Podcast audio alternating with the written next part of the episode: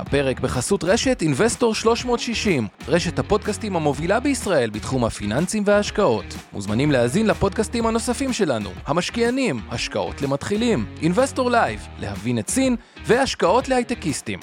הופק ונערך על ידי שמע, פודקאסטים ויצירות סאונד.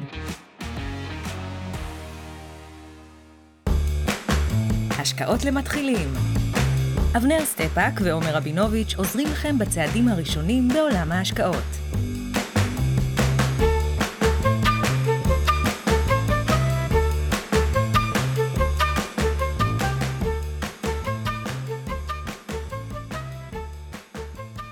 ערב טוב, עומר רבינוביץ'. מה אומר לך אבנר? המספר 79. 79.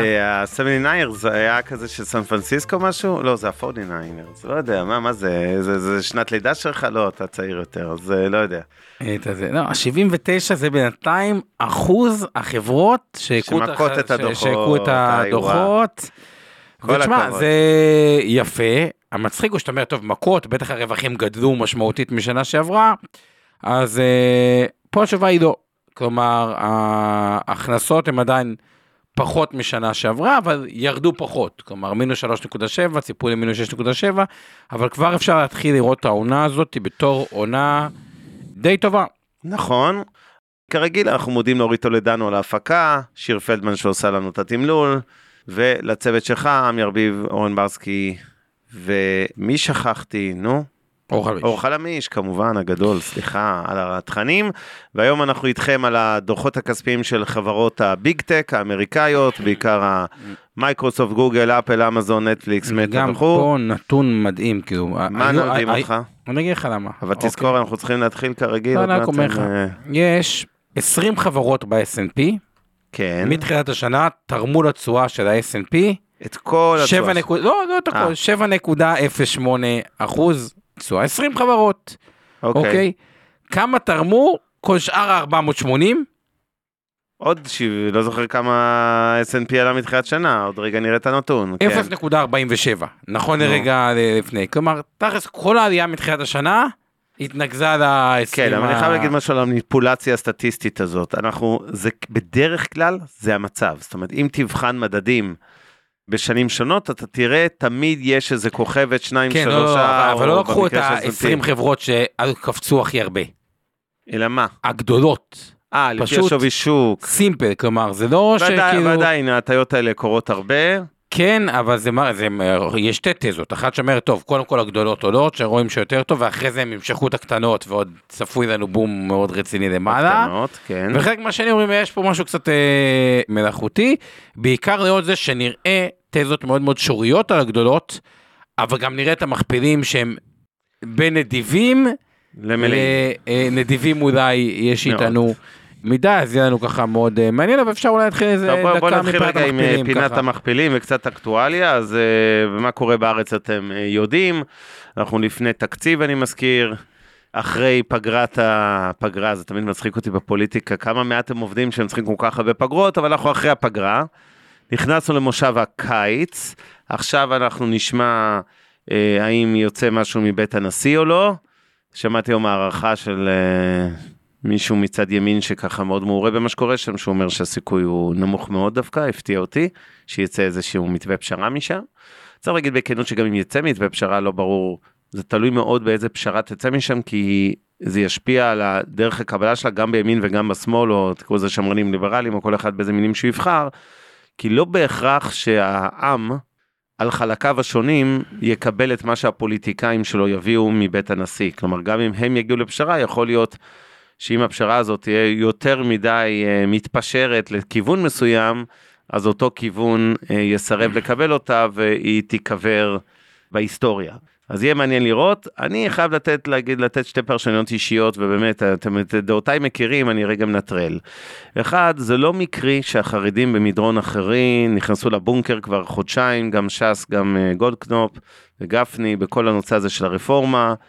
אני חושב שהם עשו טעות אסטרטגית מבחינתם, לראשונה, אגב, הם פוליטיקאים מהטובים שיש, הם יודעים לעשות פוליטיקה. אבל הם קצת פתחו פה תיבת בנדורה שהתרחבה כבר הרבה מעבר לפ... לרפורמה, ואנחנו יודעים את ההלך רוח היום בחלקים גדולים בעם, ולצערי זה גם מוביל כאמור לשנאת חרדים וכולי, אני חושב שהם קצת רוצים אה, לכווץ את האירוע הזה חזרה ולהתמקד בנושא הגיוס. ולכן הם לא יהיו ממובילי המשך החקיקה הזו לרפורמה, הם אפילו לדעתי בתוך תוכם ישמחו לקבור אותה בעצמם, שוב בהסתייגות שאמרתי. ומצד שני, נראה לי שגם נתניהו, שמקפיד לא להתעסק בזה, והוא אלוף בלמסמס דברים כשהוא לא רוצה שהם יקרו, ויש לי הרגשה, בלי קשר לאירועים הביטחוניים היום והרקטות וזה, שהוא ישמח שיהיה לו כל מיני עיסוקים אחרים, ולא חלילה שהוא חושב, אה, שאני חושב שהוא רוצה צרות ביטחוניות, אבל בוא נגיד באופן כללי, אה, זה לא בראש מעייניו, זה בראש מעייני אה, רוטמן, לוין, סמוטריץ', אחרים, בן גביר, פחות מעניין אותו, ולכן הסיכוי שהאירוע הזה ימוסמס הוא גדול. מצד שני, צריך להגיד בכנות, כל העיניים על הכדור, משני הצדדים. אז עכשיו יהיו נושאים חדשים שיעלו, אז יהיה לנו לדעתי הרבה מאוד גלים של מחאה, שוב, יכול להיות משני הצדדים, שבאה והולכת, ועכשיו כל זה נארוז ונחבר רגע לכלכלה. כרגע, צריך להגיד בכנות, הכלכלה שלנו בהאטה יפה, רובה לא קשור למחאות ולהפיכות ולרפורמות ולכל הדברים האלה, אלא תהליך טבעי שגם כך היה קורה. אבל בפירוש יש פה הקצנה במצב הכלכלי שכן מיוחסת לאירועים האחרונים. רואים את ההאטה בצריכה, רואים את זה בשוק הנדל"ן, רואים את זה אגב בשוק הרכב, ירידה חדה עכשיו בהזמנות רכבים. כל ההחלטות הגדולות בחיים, אנשים כאילו אומרים, טוב, זה קצת מצב של אי ודאות, אגב, שוק הנדל"ן קפוא, מת, מת, מת. מת. דיברתי עם מתווכים, עם זה, הכל. כלום. ממש, קיפאון טוטאלי. נכון. כאילו... ואני לא רואה את זה משתחרר כל כך מהר. שוב, גם צריך להגיד בכנות, שמשכנתה מגיעה לשיא כל הזמנים של ריבית, או לא כל הזמנים, אבל מעל 20 שנה, חמישה אחוזים וחצי במרץ האחרון, הנתונים שיצאו באפריל, ריבית ממוצעת, חמישה אחוזים וחצי, ואגב, גם בטווחים קצרים הריבית היא מאוד גבוהה, זה לא עקום שהיה פעם, שבטווח כן, כן. קצר הריבית נמוכה וב-30 שנה היא גבוהה. זה פשוט לא מאפשר לאנשים לקנות דירות, הם רואים את ההחזרים המפלצתיים ופשוט לא יכולים להרשות לעצמם, וצריך להגיד בכנות, יש גם לא מעט אנשים שאתה התחייבו לקבלנים על דירה, חלק מהם אגב החזיק דירה קודמת, משפרי דיור מה שנקרא, עוד לא מכר את הדירה הקודמת, התחייב על חדשה, בלחץ, צריך לשלם בלחץ, הם הראשונים שישברו גם את המחירים, עד היום ראינו ירידות יחסית צנועות, אבל יכול מאוד להיות שזה תהיה האצה בירידת המחירים של אה, מחירי הדירות. כי בהחלט ייתכן שנראה שאנשים פשוט נכנסים ללחץ ונאלצים למכור דירות או מהטעם הזה, או אלה שעם המשכנתאות המאוד אה, שמנות שכבר לקחו בעבר, ופתאום ההחזרים כן. קפצו עם ריבית הפריים, וגם חלק מהם אולי יחשבו מה לעשות. אבל בוא נארוז את כל האירוע הזה, נראה בקצרה את טבלת המכפילים ונגיע למנה העיקרית. בפינת המכפילים מה שאנחנו רואים זה מכפיל רווח, אה, אם אנחנו מסתכלים על ארה"ב, המכפילים העתידיים, הנסדק ב-26, ה-S&P באזור ה-18, גבוה לסביבת ריבית הנוכחית. אה, לעומת זאת תשואת האג"ח ירדה, היא כבר 3.43, כלומר תכלס השוק אומר, אני, כאילו, וואלה, הוא יעשה או לא יעשה עוד העלאת ריבית אחת, כי כאילו הוא כבר אמר את זה, וכאילו אחרי זה הוא כבר מבין שזה האחרונה, ויתחילו לחצים להוריד את זה. השוק צופה הורדת ריבית כבר השנה, שתקרה או שלא תקרה. אבל הנסדק, צריך לראות פה מה קרה, 22 אחוז מתחילת השנה, 22 זה הרבה, 21.8, ה-S&P גם עלה כבר 9.2, הוא אמנם בהובלת כמה מניות. אתה יודע להגיד האם גם בנסדק אה, תופעה דומה למה שתיארת ב-S&P? אני לא בדקתי ככה, אם יש איזו ריכוזיות אה, מאוד חריגה. יש ריכוזיות כי זה כולה נסדק 100 והגדולות, אז מן הסתם יש אה, כן. ריכוזיות, אבל צריך להגיד, גם יש כמה תזות שורט שפשוט נסדקו, נגיד התזות שורט על מטה מטה, כל כן. הבדיחות, פייסבוק, וואלה, אנחנו נראה אנשים, הקהילות, תפס, תחשבו על זה כמו הנרטיב, יש לכם עיתון עם תוכן אישי, מותאם אישי על ידי תעשיית מומחים, הרבה דברים, לא, לא, לא רואים את זה בנתונים שמתה מתה, מתה חיה, אוקיי. בדיוק. אין לי מה להגיד, אירופה. מה זה חיה, אה, חזרה לחיים, המניה זינקה, כמו שלא ראיתי הרבה כן, מניות כאלה עולות מהקבר, מה-100 דולר, לא זוכר כמה. מפחות מ-100 דולר ל-240 כמעט. בכלום, אה, בחודשים. בכלום, בחודשים, עלייה. מוטרפת. מטורף. תל אביב שלנו, הידד, הידד, הרחק מאחור. מינוס 10.2 ביתר, פשוט מטורף. מינוס 5.9 תל אביב 90, מינוס 8.7 תל אביב 35, גם הכנסות המדינה ממיסי שוק ההון השנה, נראה שיהיו צנועות במיוחד, אפסיות כרגע. אפסיות כרגע. וזה בדיוק, פה אתם כן רואים את ההשפעות של כל המצב אה, הזה, אה. אוקיי? הרפורמות וזה, אתם רואים אותם בשוק המניות, אתם רואים אותם בפנסיות, אתם כאילו לא רואים אותם בפנסיות, מאחר אבל ועדיין. התשואה היא חיובית, לא, אבל היא. יכלה להיות הרבה יותר חיובית. אני, רגע, סליחה שמתעכב במשפט הזה. ישראל, במינוס, נניח, כן כן כבר נגיע, במינוס 8% מתחילת שנה, כשרוב השווקים כמו שאתם רואים בפלוס ובארצות הברית בכלל חגיגות, מזלכם שאנחנו כגופים מוסדיים, רוב המניות שלנו בכלל נכון. לא בארץ. אבל רק על המרכיב שכן בארץ, אני חושב שיש פה איזה גריעת תשואה של שלושה אחוזים וחצי, בוא נגיד אה, בין שניים וחצי לשלושה אחוזים. רק על מניות בישראל, אני מניח שגם האג"ח תרמו, יש פה בשקט איזה שלושה אחוזים וחצי, שהקופות אמנם עשו והפנסיות נכון. עשו תשואה חיובית השנה מתחילת שנה, אבל יכלו להיות בעוד שלושה אחוזים וחצי, וזה נכון. מקום שרואים את הנזק. בכלל יש תזת לונג מאוד חזקה לישראל, אני אומר אותה פה כי כבר אמרתי אותה מספיק אה, אה, פעמים, ולתפיסתי ישראל יש בו פלוסים, יש פה מינוסים שברורים לכולם, והפלוסים לתפיסתי עולים על המינוסים, בהיבט של הבורסה הישראלית, אוקיי? וגם פה אני עושה הפרדה בין הבורסה לכלכלה ולדברים, אני חושב שיש פה אוסף של חברות מדהימות במחירים אטרקטיביים, שזה לא רוצה להגיד. פשע. פשע לא לקנות, אבל לדעתי... במידה, אה, אה, אני מסכים עם הכיוון פחות בעוצמה, אבל אני אה, מסכים אין איתך שהשוק, אני דיברנו על זה גם שבוע שעבר, אני, אני חושב שסך הכל יש פה מאוד מאוד אני מאוד מסכים קשה. לקנות עסק טוב במחיר טוב. זה אירוע שאני לא רוצה להגיד שהוא נדיר, ובכלל יש בעולם תופעה של יותר מדי כסף על פחות מדי השקעות טובות. תסתכלו כן. על ישראל כדוגמה, מתוך החמישה טריליון שקל, יותר מחצי זה מזומן פקדונות אג"ח מדינה. וואי וואי וואי וואי, כאילו, אז תחשבו כמה כסף יש בצד וכמה מעט הזדמנויות נכון. טובות, ושאפשר, שיש את ההזדמנות הזאתי, שמסתכלים לטווח קצת יותר ארוך, לדעתי יש פה יותר פלוסים ממינוסים, אבל זה לא נושא השידור אז נשים. מזרח רחוק, סין מכפיל זול עם הבעיות נכון. הסיניות, ובואו נתקדם למנה, יאללה, מנה עיקרית, בוא אה, נתחיל לעבור על ה big tech אחת אחת. נתחיל מנטפליקס. הנטפליקס היא סיפור, היא לא בדיוק ה big tech, אוקיי, אבל היא, היא, היא שווה... היסטורית, היא ב FAANG המפורסם, אז אה, ניתן לה את נכון, המקומה אבל- גם אם היא קצת הידרדרה.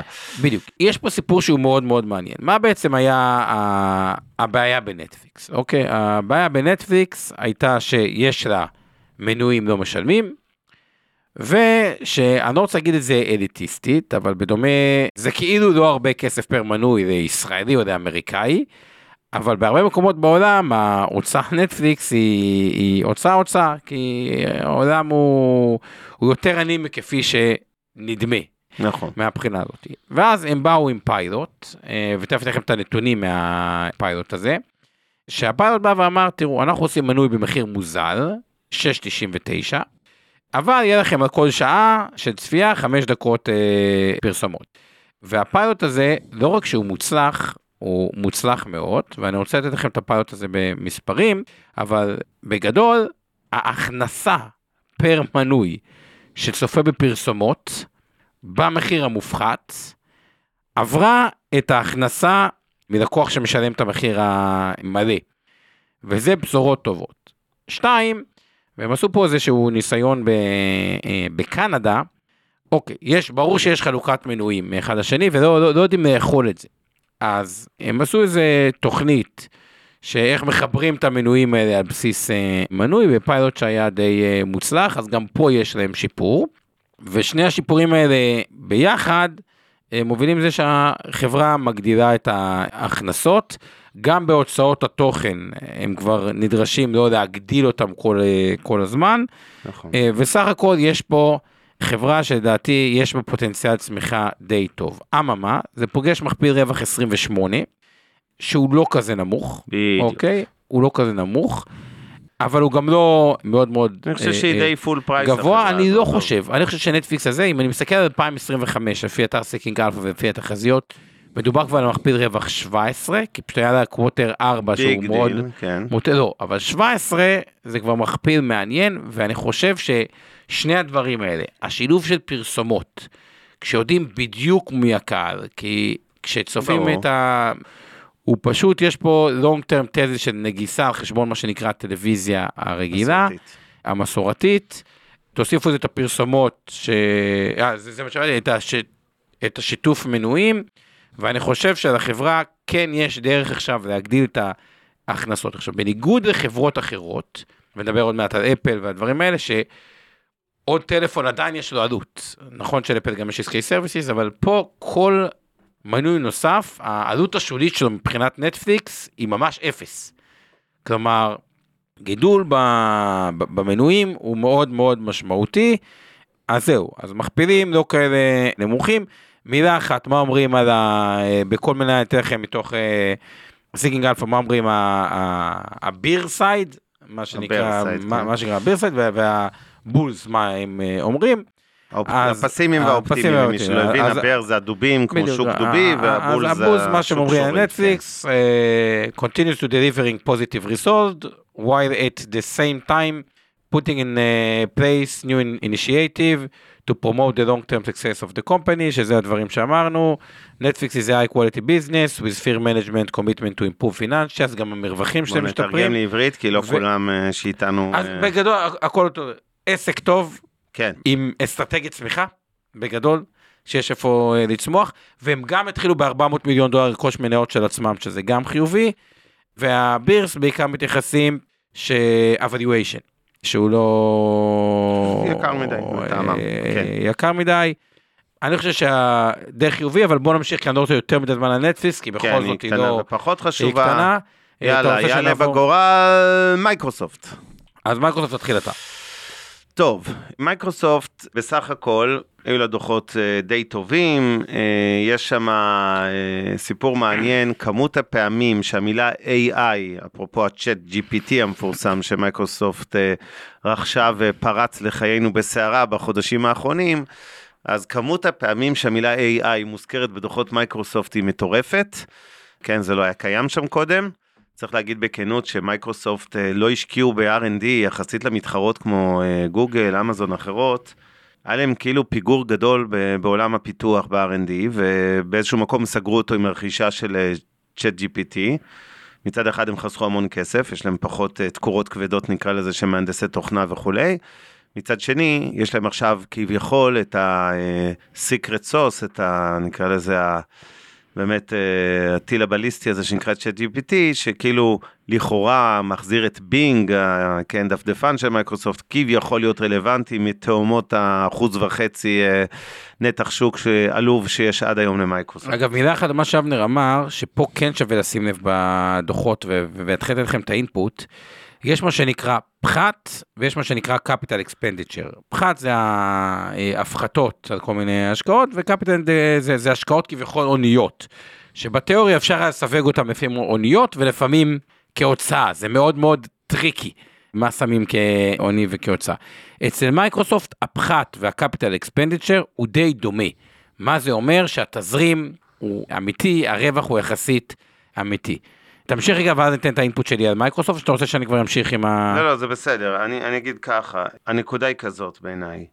מייקרוסופט פרסמה דוחות טובים, אבל לא פנומנליים. רוב ההייפ סביב המניה הוא באמת על ה-chat GPT וה-AI, והדוחות היו בסדר, זאת אומרת כנראה בלי זה הם היו במצב סביר גם המניה, אבל אה, לא דרמה. עכשיו, אני אגיד משהו רגע רוחבי לכל ה big tech שנדבר עליהם היום.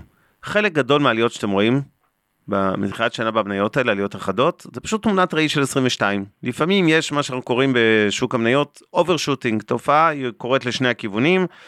אנליסטים היו סופר פסימיים ב-22, הקצינו את התחזיות למטה לגבי כל אותן החברות כולל מייקרוסופט, ואז המניות צללו חזק מאוד, הזכרנו את פייסבוק, היא ירדה מיותר מ-200 דולר לפחות מ-100 וחזרה את כל הדרך חזרה פלוס פלוס, נדמה לי 237, לא זוכר כמה היום, אז בגדול, חלק מזה זה גם על בסיס הטכני, נקרא לזה, של קצת ריבאונד כללי במניות האלה עקב הקצנה.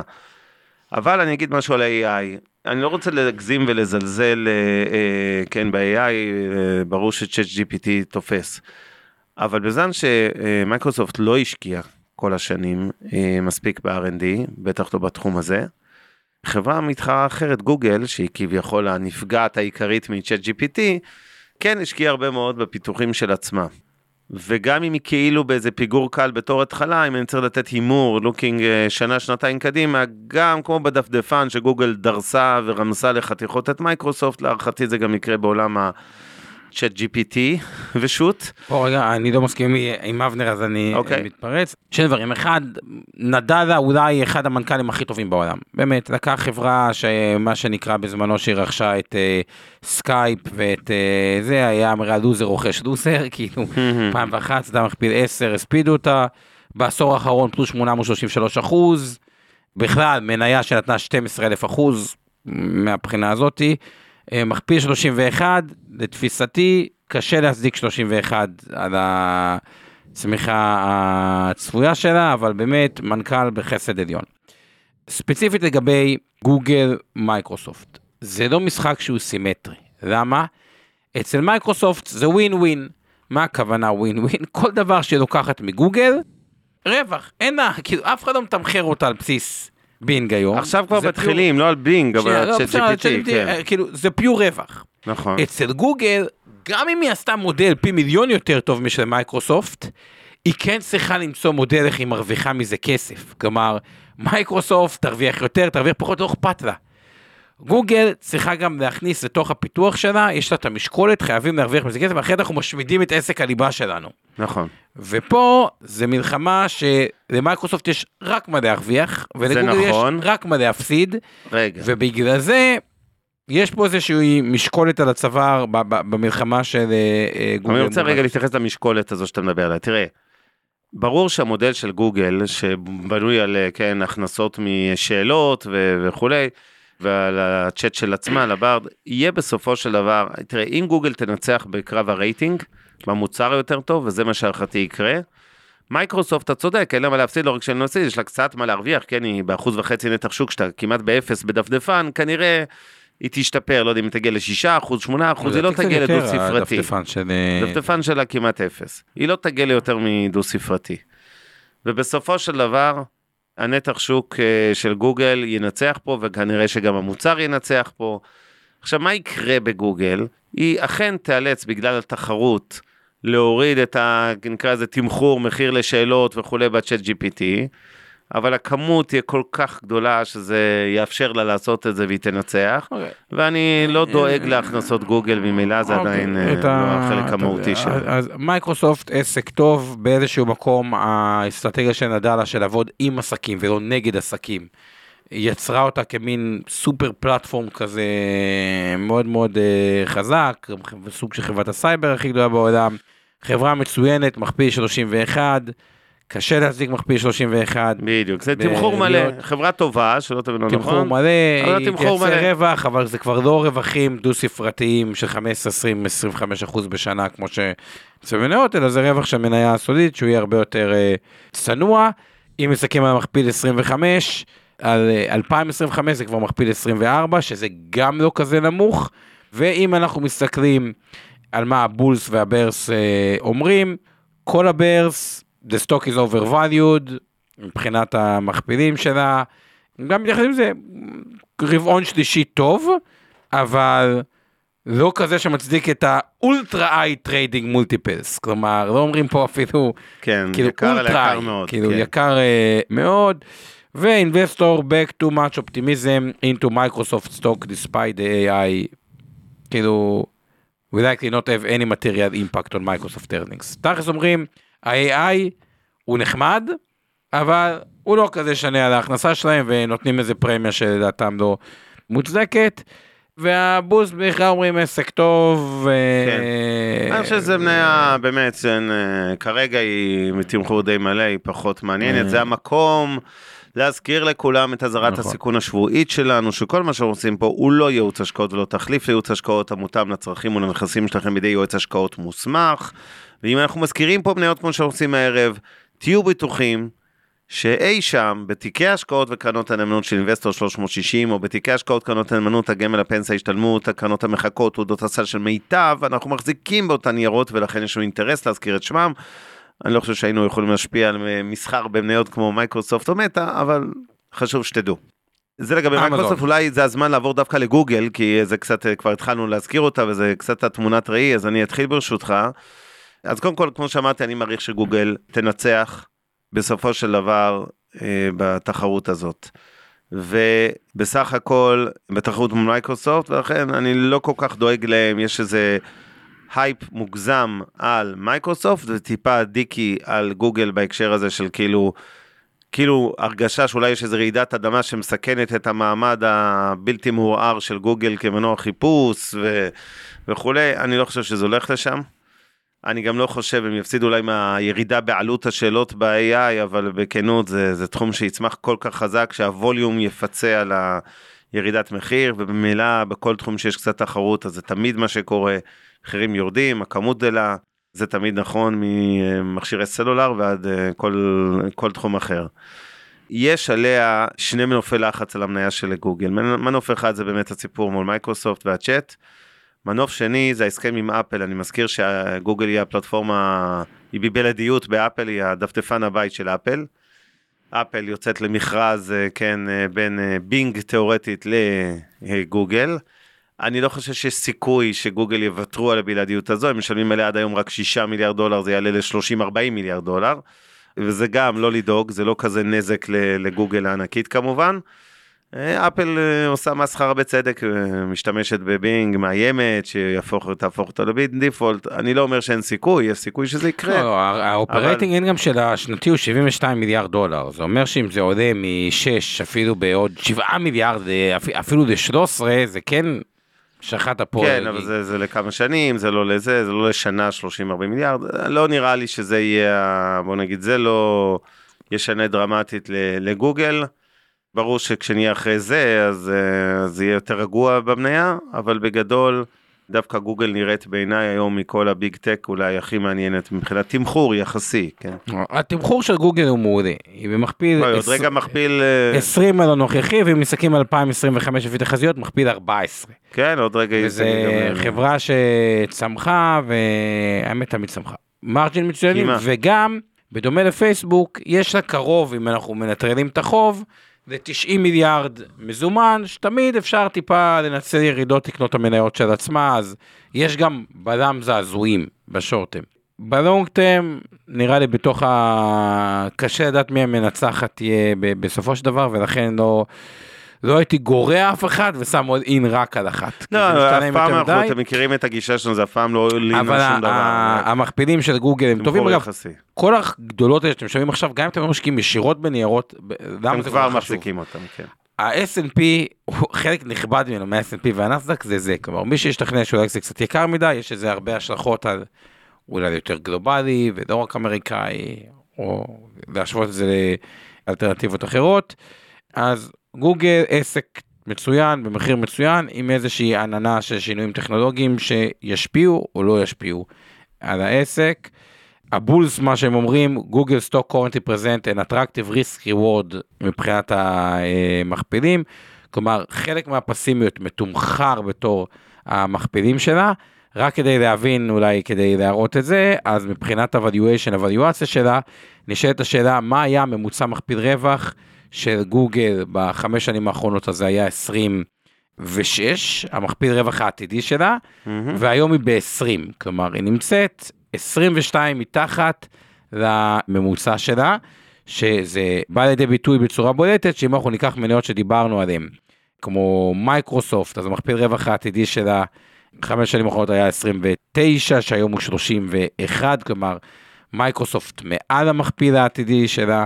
ואחרי זה נראית עוד אה, דוגמאות, כולל אמזון, שהיא הבאה בתור אמזון. אה, קיצר, כן, הבנתם. גוגל מתחת. בעיניי אה, אחת היותר מעניינות בשישייה, בוא נעבור. אחרי זה כל אחד ידרג את הזה שלו. לאמזון. מניה באמזון. יש גם את טסלה שאהובתך שנדבר עליה. אז נדבר על אמזון. אמזון נגיד אישית את דעתי, אני, אני בסוף בא מהאסכולה שאוהבת לראות כסף, קאש, מזומן. שחברה צוברת, נגיד גוגל, בסוף, למה יש לה 90 מיליארד מזומן? כי היא מייצרת כסף. עכשיו, הבעיה הבסיסית שלי עם אמזון, היא שהיא לא חלקה דיבידנד מעולם, וכרגע החוב שלה הוא בניכוי מזומן, כלומר זה לא שאין לה מזומן, יש לה 64 מיליארד בקאש, ו-178 מיליארד בחוב. כלומר, דה פקטו יש לה מעל 100 מיליארד דולר חוב. חוב נטו. איך זה נובע? אותו סעיף שנקרא capital expenditure, כל מיני השקעות, היא משקיעה בשרת, אז ברור שהשקעה בשרת זה שרת, אבל הכסף יצא היום לבנות השרת, ועכשיו מתחילים להפחית אותו. והיא משקיעה בהמון המון דברים שהכסף יוצא היום, ומפחיתים אותם. וההשקעות האלה הן כל הזמן עולות, אז יש לה שתי משקולות על הצבא. משקולת אחת זה מה שאני קורא ה-depreciation, כלומר, ברגע שה-capital expenditure, שאותן השקעות הוניות, הם היום 60 ומשהו מיליארד דולר, אני אתן לכם את המספר המדויק, אותן השקעות אה, הוניות הם 62 מיליארד דולר, והפחת הוא רק 43 מיליארד דולר, ברור לי כבר מהיום שהפחת יעלה, כי אם יש לי הרבה, השק... כאילו, הרבה יותר השקעות הוניות מהפחת, אז לאט לאט הפחת וההשקעות ההוניות צריכות נכון. להתכנס. זה אומר שתאורטית, פחת זה משהו אחד שיכביד עליי, ועלויות המימון זה גם משהו שיכביד עליי, כי בניגוד לגוגל שהיא עם נט קאש, פה אתה עם נט חוב. אז זה כאילו נשמע לא הרבה, אבל תיקחו חמישה אחוזים על 100 ומשהו מיליארד, זה שישה מיליארד דולר בשנה, והפחת זה עוד כמה מיליארדים, אז זה עוד עשרה מיליארד ככה שאמורים אה, להתקצץ עתידית איכשהו, וכל הרווח התפעולי שלה זה 13 מיליארד דולר, ולכן אני אישית חושב שבמכפיל 66 על הרווח, אה, למרות דוח שהוא עוד רגע, אבנר דווקא יגיד את הצד הפוזיטיבי, דוח דווקא שהיה די אה, טוב, אפילו קצת קפצה. אני אישית, אה, עד שאמזון לא תשכנע אותי שהיא יודעת להפחית את החוב ולא כל הזמן להגדיל את החוב, קשה לי, קשה לי אני עם החברה. מקבל את התזה שלך רק בהסתייגות אחת. תראה, 60% מהשווי של אמזון זה AWS, הענן. וזה סדר גודל, התחום הזה של הענן צומח בדו ספרתי מעל 20% כל שנה. היו ציפיות אמנם לצמיחה של 23-4% בהכנסות של אה, תחום הענן, והוא צמח במחות רק ב-21% ברבעון הראשון, אבל עדיין, בוא נגיד בכנות, זו צמיחה יפה מאוד. הצפי גם קדימה שזה ימשיך בקצבים כאלה של אזור ה-20% לשנה, זאת אומרת זה מספיק דרמטי כדי לפצות על חלק מהדברים שאמרת. אני בניוטרל, אתה נשמע לי קצת יותר נגטיב עליה, אני בניוטרל עליה. אין ספק שהיא זולה היא לא, ואתה צודק אגב, לגבי... מכפיל ה- 2025, הם, אה, לפי 2025 Seeking Alpha, היא אמורה להיות ב-28. כן. מכפיל 28, שזה נשמע כבר יותר סביר. אני פשוט, אתה יודע. רווי בעולם ההשקעות, סיפרו לי את כל הסיפורים בעולם. ראיתי, מה לא סיפרו לי פה? אוי, הזכרת לי משהו, אבל זה ליום אחר, כן. בסוף אין מה לעשות. family office הוא מרובה בהשקעות שאנשים רוצים לשכנע אותך, תזות השקעה, גם להשקעות ראשי צריכים במיטב, נכון. ובסוף אתה לומד, יש המון מספרי סיפורים, ופחות אנשים שמצליחים, כאילו, ש... אני אומר, ש- show me the money, כי כאילו איפה, אה, אה, איפה הכסף, ופה הוא, הוא, הוא זולג. אז נכון, עסק מדהים, וכן הם הוכיחו שכאילו תשקיע, תשקיע, תשקיע, תעשה את ה... תיקח את כל השוק, ואז יש לך יכולת להעלות מחירים והרבה מאוד דברים, ועדיין, מפתיע אותי כל פעם מחדש שלא חיכו דיבידנדים ויצרו את המפלצת אה, חוב. אני כן אגיד משהו אחד לטובת החברה. בגלל שהמקום היחידי שזה יכול להפתיע, אני לא מוכן לקחת את הריסק הזה, אבל אני כן אגיד את המקום שזה- שזה יכול להשקיע. בעסקים שבהם שולי הרווח מאוד נמוכים, ושולי הרווח, ה, מה שנקרא ה-EBITDA של אה, אה, אמזון, הוא 2.54, שזה נמוך מאוד, או הנט אינקאם 0.82. אם יש שיפור, הוא שיפור מאוד משמעותי, כי שואלים משולי רווח, סתם דוגמה, אחוז ל-4 אחוז או ל-5 אחוז, זה הרווח צומח פי 5. כלומר, אם מין חברה שאני לא, היא יכולה להתרסק ב-70 אחוז, אבל אם מצליחים לשפר את המרג'ינים בצורה משמעותית, היא יכולה לעלות מאוד. עוד דבר שאני קצת לא אוהב באמזון, שחושבים על זה, היא חברה שאשכרה מתחרה בלקוחות שלה. כלומר, יש את הסרט פארטי באי-קומרס, כל מיני אנשים שמוכרים על הפלטפורמה של אמזון, אבל היא השחקן הכי גדול שם, היא גונבת רעיונות, היא, היא, היא פועלת מאוד, מי שיש לו רעיון טוב סתם לייצור, לא משנה מה, היא תפתח חנות מתחרה ותגבה מלא ממנו פרסום. כאילו, ה, ה, יש פה משהו אינהרנטי שהוא הוא לא הוגן, וגם יש סיכון רגולטורי שבסוף רגולטור יגיד, תקשיב, או שאתה פלטפורמה או שאתה חנות. אתה לא יכול להיות כאילו פלטפורמה שפותחת חנויות ומתחרה במה שאתה מייצר. שזה איזה סיכון רגולטורי שבתיאוריה אולי סיכון אה, רגולטורי, מרחף, לא רואה את זה אה, קורה במיידי. אני לא חושב שזה סיכון... אה, אני אגיד? אני רוצה להגיד על זה משהו, או להוסיף על זה התייחסות בכלל לכל פעילות ה e-commerce, הרי מזה אמזון אה, התחילה, כן? חנות הספרים הדיגיטלית. יש לה הרי פעילות e-commerce, זה השחקן הכי גדול בעולם. עכשיו, בסוף, בתחום הזה, מה שקורה כרגע עם האטה עולמית, ההאטה מורגשת הרבה יותר בחנויות הפיזיות, ובאיזשהו מקום היה אפילו קצת מעבר ל e-commerce, אוקיי? כי יותר זול. הוא יותר זול, אנשים חוסכים, עוברים ליותר קניות אונליין דווקא בתקופה הזאת, וזה משחק לטובת אמזון, אפרופו העתיד. שתיים, אמזון גם הראו ירידה חדה בהוצאות בדוחות של הרבעון הראשון יחסית בכמעט כל התחומים חוץ מאי-קומרס, כי שם כאמור יש גם צמיחה יפה, אז יכול מאוד להיות שמבחינת רווחיות אנחנו נראה בהחלט שדרוג יפה שם אה, looking forward וזה יצדיק יותר כאילו יוריד את המכפילים נקרא לזה במרכאות. ועדיין בסוף היא לא זולה ולכן גם היא מבחינתי בניוטרל אני טיפה יותר אופטימי עליה נשמע לי מהמוזיקה של שנינו ממך אבל גם כן, לא, אגב, אה, פה, לא פה זו. נקודה טובה, סתם, לוקחים את ההוצאות R&D, ב-2019 הם היו 35 מיליארד דולר, שזה הרבה, אבל הופ, 2023, 78 מיליארד. כלומר, נוספו פה 35 מיליארד, שעוד פעם, כל הרווח התפעולי שלהם הוא 13. כאילו, ותחשבו, הוצאות ה-R&D קפצו ב-40 מיליארד. אז כן יש איזושהי תזה שהיא שורית מאוד לגבי ה Big Tech, וואלה הם סתם גייסו יותר מדי עובדים, ואם הם יתייעלו, זה מה שאבניר אמר, וה margin הוא, הוא, הוא נמוך, יש פה הפתעות.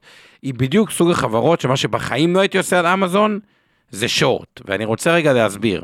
יש הבדל בין לא הייתי משקיע בה כי יש סיכון גבוה ויש downside risk שהוא לא לטעמי, downside risk זה כמה המניה יכולה לרדת, וחברות עם שולי רווח נמוכים יכולות לרדת והמון, כי שיש שם הרבה חוב ושולי רווח נפגעים זה יכול להיכנס לסחרור, אבל אם שולי הרווח משתפרים הם יכולות להמון, לעלות המון. אז זה בדיוק סוג המניות שאפשר לא להשקיע אבל בטוח לא לעשות שורט.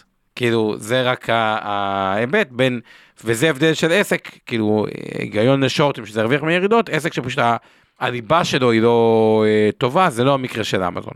בוא נעבור לחברה הבאה, אתה רוצה את טסלה או את אפל? אפל לא פרסמה דוחות עדיין אז אה, אתה יודע היא מפרסמת לא בעוד אבל שלושה ימים נגיד עליה כמה מילים ואז נתחיל אה, מטסלה או מאפל? טסלה. לא אפל דווקא. אוקיי, אז אפל, אני חייב את הדבר, אפל היא חברה שבוא נתחיל מהחיובי שלה. חברה עם קהל, מער... לא רוצה לקרוא לזה מעריצים, אבל ניהול מותג מאוד מאוד חזק, stickiness מפחידה. ופה צריך להבין משהו לגבי קישוריות, זה גם יכול לגבי קצת מייקרוסופט ועוד.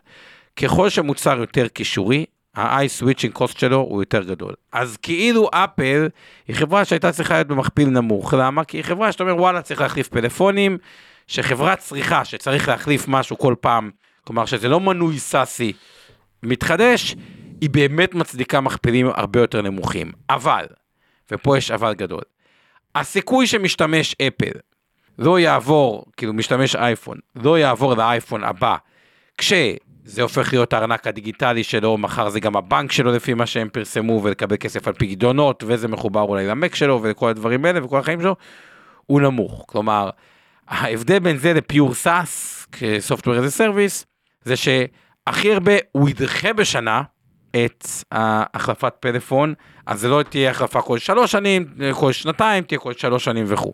אבל ה stickiness הוא stickiness מעולה. יש את העסק של הסרוויסים, שזה בעצם כל נגיד האפליקציות והדברים כן. האלה, אז הם מקבלים חלק מה revenue, שהוא מאוד מאוד אה, רווחי. והבעיה היחידה עם אפל היא עוד פעם חוזרים לנושא המכפילים, 28 זה מכפיל גבוה, זו חברה שהצמיחה שלה היא לא כזו גבוהה. יש לה צמיחה, אבל היא לא אסטרונומית. מכפיל רווח עתידי 2025-2023, קצת קשה להצדיק את זה עם המקרו, אה, כאילו, וכן במשבר, זה לא ש... עוד פעם, לקוח אפל יקנה פלאפון אחר, הוא פשוט ידחה בשנה את הקנייה, ועדיין צריך להגיד, כמו שבאפט אמר, בסוף אם תחשבו על הפלאפון הזה, אייפון, תחשבו כמה אתם משתמשים בו פר יום. כאילו כמה עולה לכם פר יום, לעומת אה, התוספת שאתם משלמים בו מול פלאפונים שהם קצת יותר זולים, עדיין על פניו הוא, הוא, הוא לדעתו מוצר שיש לו מקום לעלייה במחירים. לי קצת קשה עם מכפיל 28 לחברה כמו אה, אפל, אבל אליך אבנר. אז א', אני מסכים איתך, אני קצת פסימי על אפל, אני אתן ישר את השורה התחתונה, למרות שעוד לא ראינו דוחות שלה, אלא רק עוד כמה ימים, ואני אסביר. מעבר לזה שהמכפילים גבוהים ופוטנציאל צמיחה מוגזל לאפל, יש יותר מה להפסיד מכל האחרות שדיברנו עליהן הערב.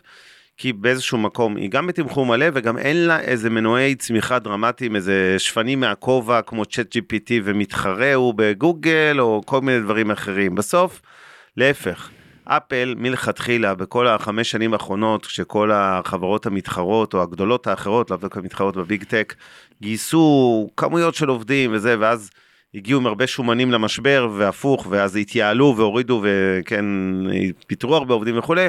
אפל מראש התנהלה הרבה יותר צנוע בשנים של החגיגות בהייטק, היא פחות גייסה עובדים וכולי.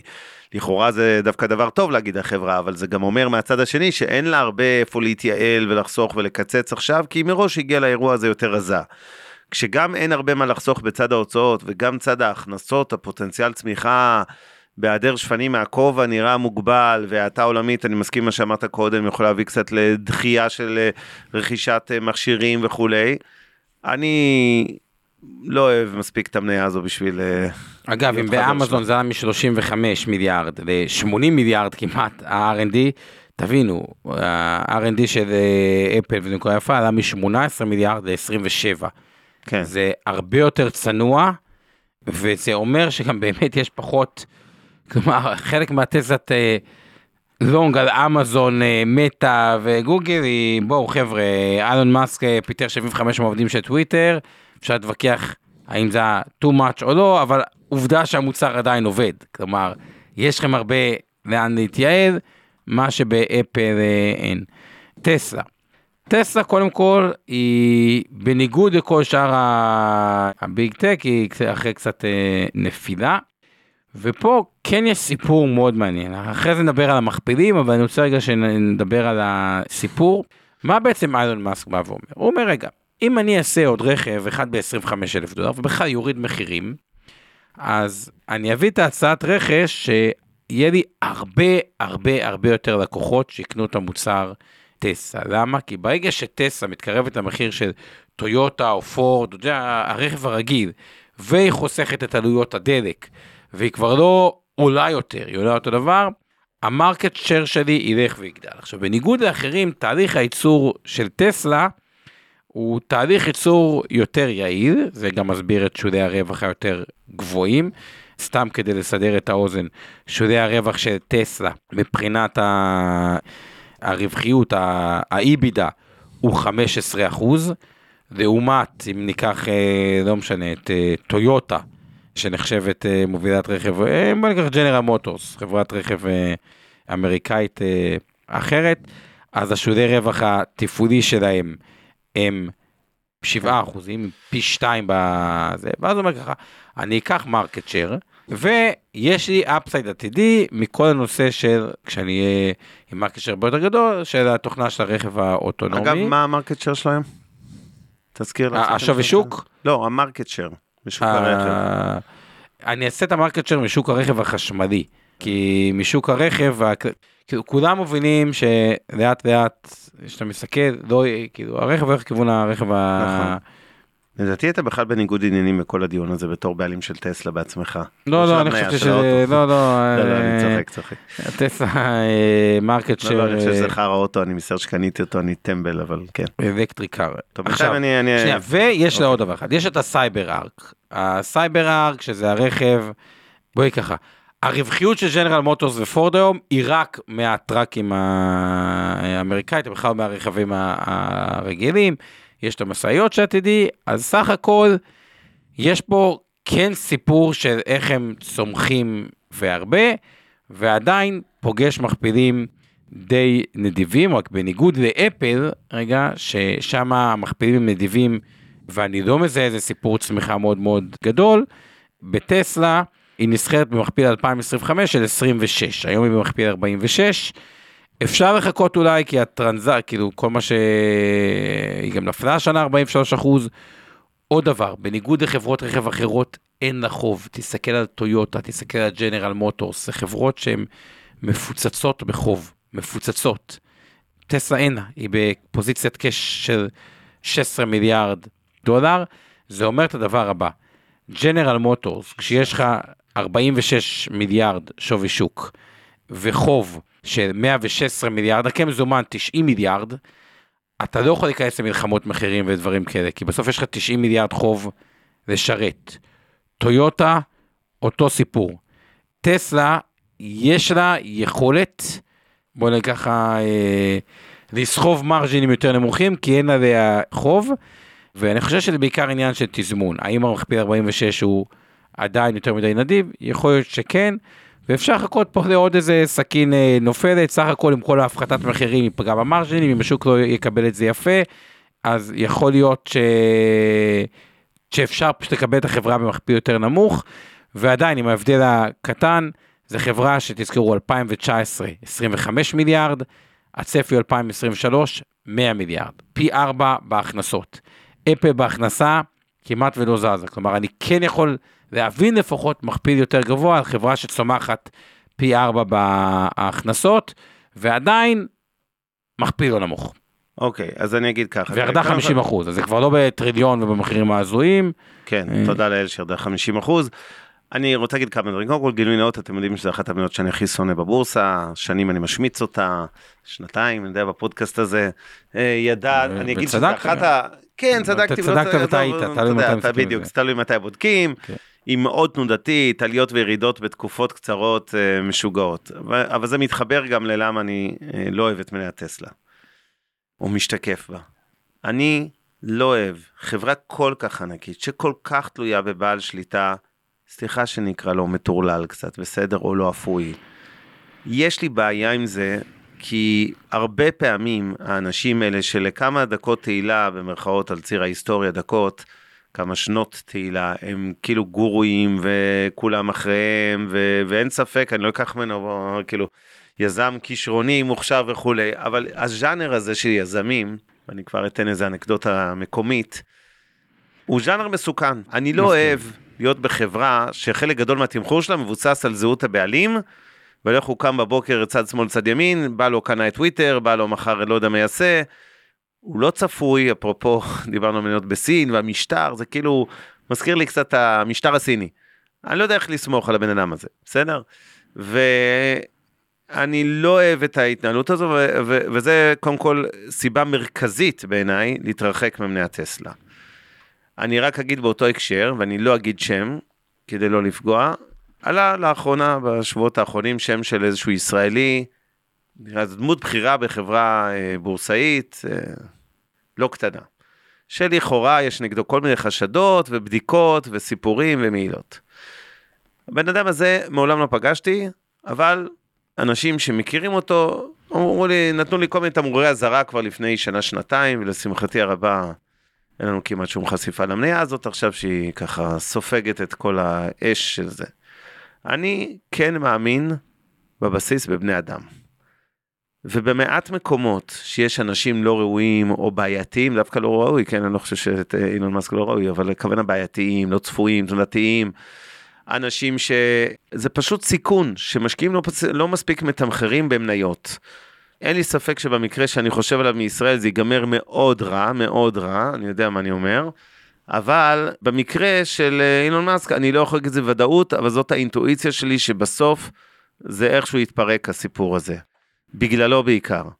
עכשיו אני רוצה לדבר גם על כלכלה ולא רק על רגע הסלידה שלי מבן אדם כזה או אחר, או לא סלידה, זה מילה מוגזמת, אבל החשש מהבן אדם ומרכיב הסיכון שלו בחברה. וזה באמת הביזנס עצמו.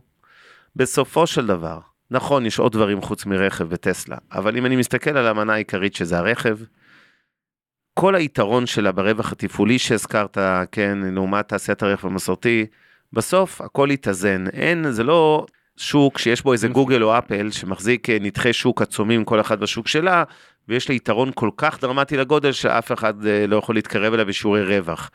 פה זה תחום שהתכנס לממוצעים, כל המתחרים כבר יש להם רכבים חשמליים, חלק גדול מהם גם הרכבים הרבה יותר טובים מטסלה, יש אינסוף מותגים סינים שנוגסים. בסוף, נכון. עם כל הכבוד, חברה עם נתח שוק זניח, של פחות מ-2% משוק הרכב העולמי, ואני לא זוכר כמה מהחשמלים, הספקת למצוא את הנתון, אבל בסוף, בסוף, בסוף, היא תהיה עוד חברת רכב רגילה, יפסיקו להתרגש מהשם טסלה, זה לא הולכת להיות האפל של עולם הסלולרי להערכתי. אני בוא נגיד אם כן, אז אני צריך לאכול כובעים.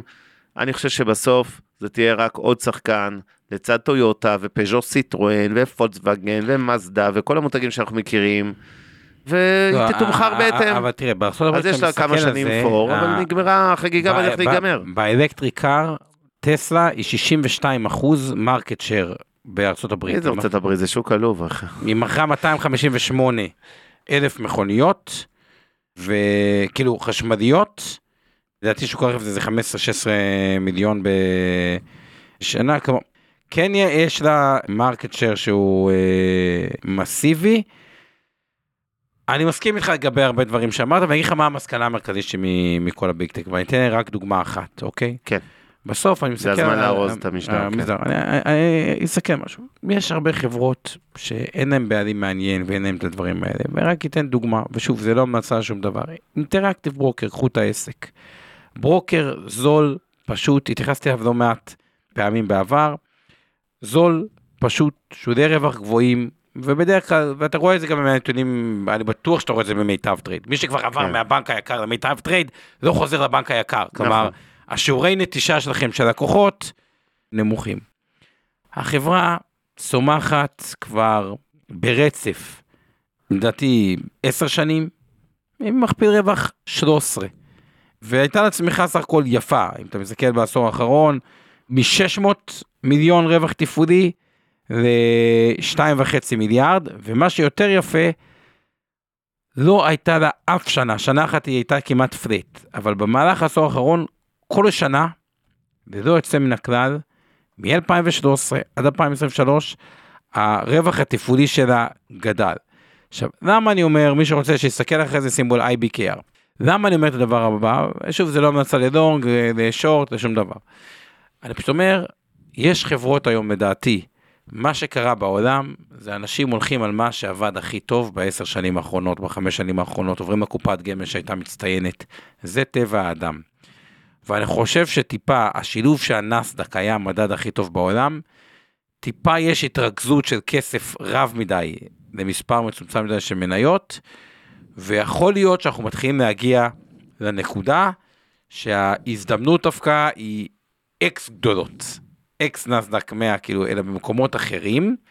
אממה, said that, עד שזה קורה, הרבה פעמים לוקח הרבה זמן, כי התרכזות של רעיונות, כל עוד זה ממשיך לתת התשואה העודפת, והשנה זה התחיל מתשואה עודפת, בדרך כלל מה שקורה, זורם עוד כסף ועוד כסף ועוד כסף למה שנתן את התשואה הטובה ביותר, עד שזה מפסיק לזרום, ואז זה מאוד מאוד מאוד כואב. ראינו את זה עם קטי ווד, שזרם וזרם וזרם, ופתאום כל מיני מניות קפצו מאוד מאוד חזק, עד שזה הפסיק, וכשזה מפסיק זה תהליך כואב. וזו שאלה, כי גם יש לנו הרבה לקוחות באינבסטור, שהם עובדי מייקרוסופט, אפל, אמזון, פייסבוק, שבגלל שהמניות האלה עשו מאוד מאוד טוב, אז הפרופורציה שלהם מסך ה- השוק שלהם, כלומר, מסך הנכסים שלהם נהפכה להיות מאוד גדולה, וגם שמשקיעים, מי שלא מכר את החברות האלה, זה פוזיציה מאוד גדולה, ואתם חשופים לזה דרך הקופות גמל קרנות השתלמות, דרך ה-S&P והנסדק, שזה גם, הרוב עושים את זה המוסדיים, דרך חוזים עתידיים על ה-S&P, זה פוזיציה גדולה, וכשרואים את המכפילים, זה מתחיל אצלי טיפה להעלות את התהייה, מהו הרגע הנכון, ברור שצריך להיות עם חשיפה לחברות האלה, ואתם גם ככה עם חשיפה דרך המוסדיים, אבל האם אין התרג... מתחיל התרכזות יתר של רעיונות, של כסף, במספר מועט מדי של המגה החברות האלה, אבל לדעתי, יש סיכוי שעדיין, כי פשוט זה עבד טוב, ועוד יש שם איפה לחסוך בהוצאות וכל מיני דברים כאלה, כלומר, לפחות בשורטם, זה פוזיציה שיכולה לעבוד מאוד מאוד טוב, אבל אחרי שזה, אם תהיה עוד עלייה, מה שאני אומר, במניות האלה, ולדעתי סביר מאוד שכן תהיה עלייה. ובנוסף, יהיה קיצוצים, כי העלייה תהיה על רקע גם הכנסות שקצת יותר טובות מהצפי, וקיצוץ בהוצאות. אחרי זה כבר לא יהיה את עוד אפשרות לקיצוץ בהוצאות, כאילו, יבוא הרגע, ככל שהמכפילים נהיים יותר נדיבים, וכבר ראו יותר תהליכי התייעלות, שיכול להיות שזה הרגע דווקא לחפש רעיונות השקעה מחוץ למקומות האלה ולהיות קצת יותר יצירתיים, זה הסיכום ש... שלי, עם זה שעונת הדוחות התחילה טוב. כן, עונת הדוחות בהחלט התחילה טוב, עם זה אני מסכים.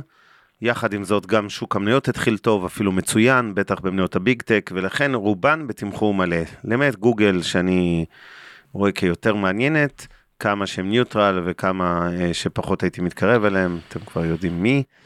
אני בגדול חושב שגם על בסיס טקטי טכני, ואתם יודעים שאני שונא להמר לטווחים קצרים ולתזמן שווקים, אבל שוב, אה, יכול להיות שהן צריכות לחטוף איזה מכה קטנה בכנף, גם מי שכן רוצה להשקיע, אני לא רואה סיבה להשקיע במכפילים כאלה גבוהים, אבל מי שכן רוצה להשקיע ברוב החברות האלה, יכול להיות שאחרי הראלי הזה של תחילת שנה, או החודשים האחרונים ליתר דיוק, צריך אה, קצת להמתין בסבלנות, מרגיש לי תמחור די מלא. דירוג לא, שלך מהמעניין... ואגב, לא רגע. מספיק בניהול סיכונים, משקלל תרחישים שליליים שעלולים להתפתח של האטה סלש מיתון חריף יותר, ולא מה שאנחנו רואים עכשיו. תן לי רגע את הדירוג שלך. אין לי דירוג בכנות. בוא תזרוק ככה אינטואיטיבית. אמ, חוץ מגוגל, בוא נגיד טסלה בסוף, אפל אחת לפני הסוף. אה, הייתי אומר, ואין לי זה נטפליקס אחת מעל אפל, ואחרי זה אמזון מייקרוסופט כזה ואמזון מקום שני שלישי מלמעלה לכאורה אבל זה, זה לא, בסדר, לא משנה, אוקיי, לא, נבהל, לא נלהב מאף כן. אחת מהם. כן. אז אה, אוקיי נראה די אה, נארוז פה. כן תודה כמובן לשיר פלדמן על התמלול. תודה לאורית טולדן שכאן איתנו באולפן על ההפקה, לצוות שלך, אמיר אביב אור חלמיש ואורן ברסקי על התכנים, חן אמרני עזר לי שם. אה, זהו, שיהיה לילה טוב לכולם, תעשו טוב, זה חוזר עם ריבית. מעוניינים ללמוד יותר על עולם ההשקעות? האזינו לפודקאסטים נוספים שלנו. המשקיענים, אבנר סטפאק ועומר רבינוביץ' בתוכנית אקטואלית עם כל מה שחם בעולם ההשקעות. Investor 360 Live, אורן ברסקי ועומר רבינוביץ' מארחים את בכירי שוק ההון ומבינים את הטרנדים החשובים לשנים הקרובות. להבין את סין עם יובל ויינרב, עם כל מה שרציתם לדעת על הענקית מהמזרח. השקעות להייטקיסטים עם צח איציק, שיבנה איתכם תוכנית כלכלית להגשמת החלומות שלכם. והפודקאסט ההשקעות למתחילים, לכל מי שעושה את צעדיו הראשונים בעולם ההשקעות.